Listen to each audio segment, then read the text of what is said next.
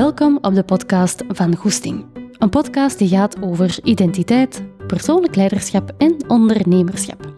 Ik ben Anne-Sophie, coach in persoonlijk leiderschap en organisatieontwikkeling en samen met mijn collega's van Koers bouwen wij aan een wereld waar individuen, teams en organisaties even stilstaan bij een kern. Hun waarden, sterktes, drijfveren, visie enzovoort.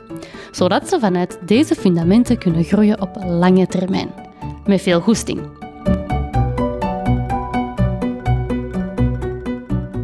Deze aflevering is de oefening die hoort bij de vorige aflevering waarin dat we verteld hebben wat dat waarden zijn.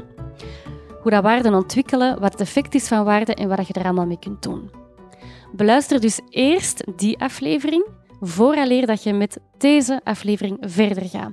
Anders heb je geen context en gaat deze oefening ook volledig zijn doel missen. Oké, okay, je klaar om je waarde te ontdekken? Belangrijk, misschien eerst dan nog. Zit je op een plek waar je niet gestoord kunt worden?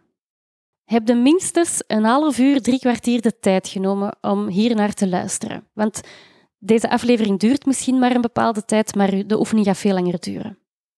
Heb je papier en heb je een bik. Dat is belangrijk. Alright, er zijn heel veel oefeningen dat je kunt doen. Er bestaan ook heel veel reflectievragen rond waarde. En hoewel dat ik eerst die weg wilde opgaan, ik had het allemaal al uitgeschreven, hebben wij toch besloten om een oefening te doen dat wij met onze klanten doen. Waarom? Omdat die reflectievragen, dat is ook super zinvol, maar ik vind het ook wel eens leuk om het eens anders aan te pakken. En nu ook eens volledig te begeleiden echt in een oefening, omdat deze gewoon echt van grote waarde is. Het is onze lievelingsoefening, het is eigenlijk ook onze allerbeste oefening en we begeleiden u vandaag ook volledig hierin om uw waarde te vinden. En sowieso kun je ook op het internet heel veel waardelijsten vinden. Ik heb het in de vorige aflevering ook al gezegd. Je kunt eens googlen, hè. waardelijst. Um, pak dat er eens bij. Haal uit die lijst is de vijf belangrijkste waarden. Kun dat eens doen als het de eerste keer is dat je deze doet. Of als je niet zo goed weet wat dat waarden allemaal kunnen zijn. Maar dat is niet de meest diepgaande oefening, omdat die gewoon heel gestuurd is en een beetje oppervlakkig blijft.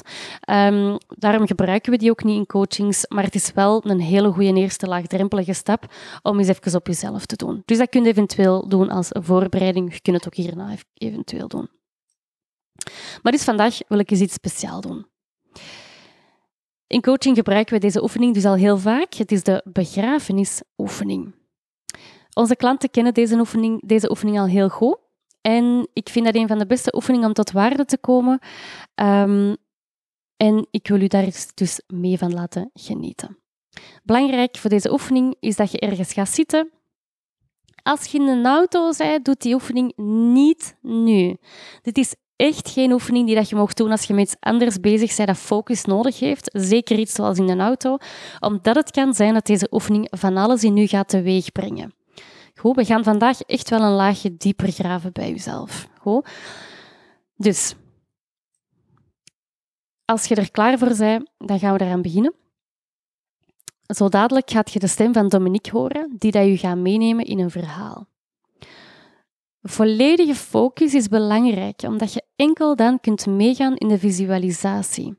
Hierin meegaan gaat je helpen om tot een diepgaandere laag te komen bij jezelf. Het kan zijn dat je doorheen deze oefening van alles gaat ervaren in jezelf. Het kan zijn dat je dat zelfs nu al ervaart. Misschien dat je wat weerstand voelt, angst voor de realiteit, het gevoel hebben van de audio misschien zelfs te willen stopzetten terwijl dat de oefening bezig is. Je gaat dat waarschijnlijk lichamelijk voelen door een hart, een verhoogde hartslag, misschien kippenvel een keer, krop in de keel, zo een knoop in je maag, zware benen, ehm, alles kan. Dat is normaal. Hoe komt dat? Dat is normaal omdat dat een oefening is die een laag heel dicht bij jezelf raakt. Deze oefening. En weet je nog dat ik daar straks verteld heb over het... Daar straks, ik zeg daar straks, want ik ben deze aan het opnemen op dezelfde dag als de andere aflevering, maar ik bedoel dus de vorige aflevering over het laten zijn van je gevoelens en je lichamelijke sensaties die dat erbij horen. Laat deze dus ook meteen een oefening zijn om dat eens te ervaren. Wat je ook voelt, het mag er zijn. Laat u niet belemmeren om de oefening niet te doen. Je hoort zo dadelijk de audio. Neem de tijd dat je nodig hebt om die oefening te doen en kom dan zeker nadien terug om de rest van deze podcast te beluisteren, om dan ook effectief je waarde eruit te halen. Veel plezier en tot zo.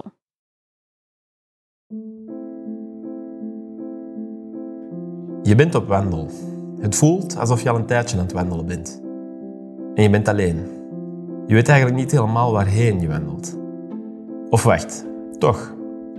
Je ziet een gebouw dat je herkent. Je hebt het al zeker honderd keer gezien. Maar binnen ben je nog niet veel geweest. Maar nu ben je zeker, ja, deze keer ken je. Je wandelt de trap op en gaat langs de grote poort naar binnen. Er is veel volk. En er zijn niet veel blije gezichten. En nu pas valt het op dat ook hier best veel bekende gezichten zijn. Je krijgt een kaartje in je hand geduwd. En je ziet een foto van jezelf. Vandaag word jij begraven. Je bent een beetje verschoten. Of toch niet. Je was echt wel al lang aan het wandelen.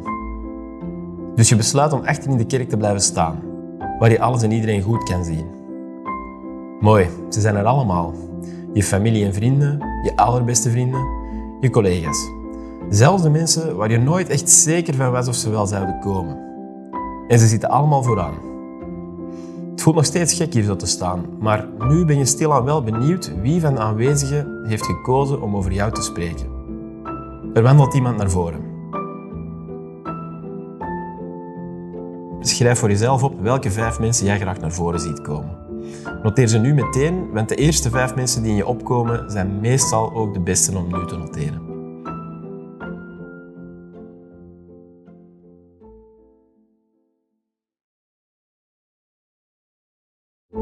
De eerste spreker komt naar voren en begint met vertellen. Uiteraard eerst één of twee kenmerkende anekdotes, maar dan komt het. Hm, hij zegt best wat dingen om trots over te zijn. Leuk. Stiekem denk je bij jezelf, zou hij het zo meteen ook over mijn betrouwbaarheid hebben? Of over mijn relativeringsvermogen? Of wat dan ook. Maar die zaken komen niet. Dacht je zelf dat je daar misschien beter in was dan in de realiteit? Of heeft dat altijd al op je to-do-lijstje gestaan, maar is er dan blijkbaar toch niet van gekomen?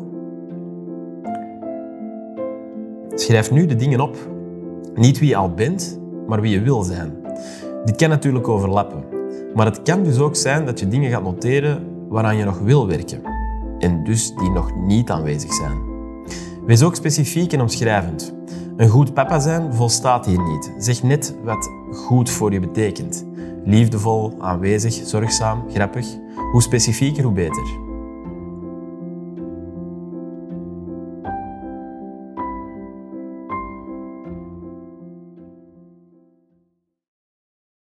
En wacht, ik was echt altijd en overal te laat. En misschien ging ik ook wel iets te vaak mee in anderen hun verhaal, wanneer er geroddeld werd. Hopelijk denken ze daar niet aan. Poeh, misschien moet ik straks toch ook even meewandelen naar de koffietafel. Even checken of ze off the record daar niet iets vertellen tegen elkaar. Maar dat zal wel niet. Over de doden niet zijn goed, toch? Schrijf nu de dingen op waaraan je stiekem jezelf een beetje ergert van jezelf. Dingen die je misschien toch graag anders zou doen. Dingen waarvan je hoopt dat mensen ze niet achter je rug tegen elkaar vertellen.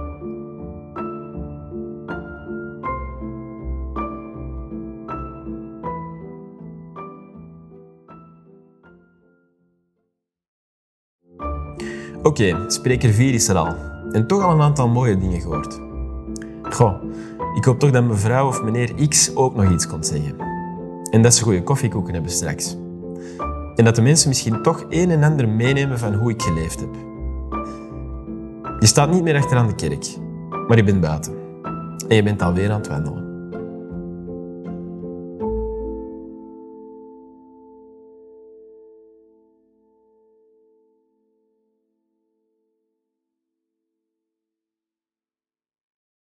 Ik ben oprecht heel erg benieuwd naar uw antwoorden, maar vooral ook hoe dat jij deze oefening hebt ervaren.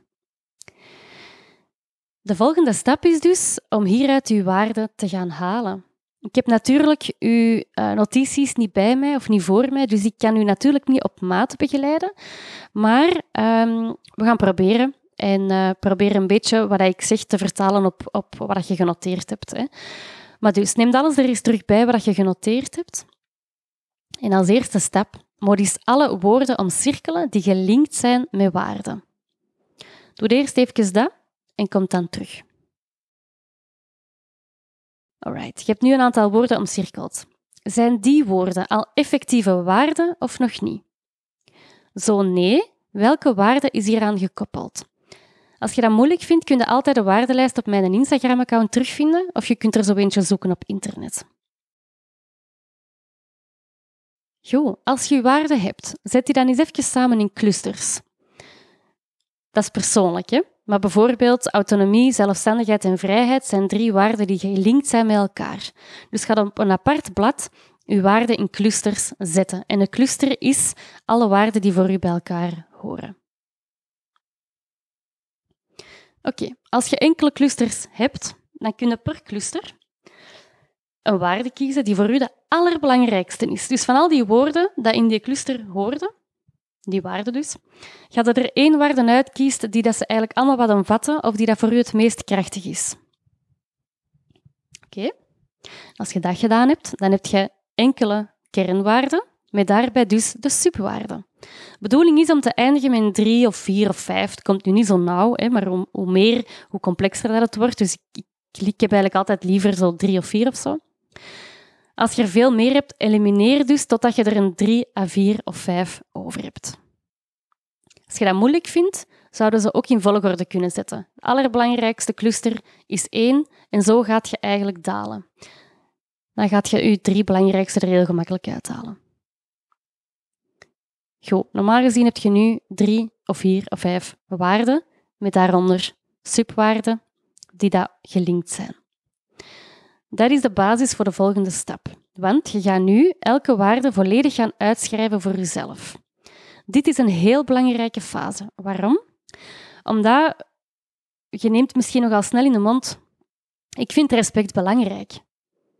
Oké, maar waarom vind je dat belangrijk? En wat is respect voor u? Hoe uitzicht dat bij u? Het kan zijn dat respect voor u iets helemaal anders is dan voor mij.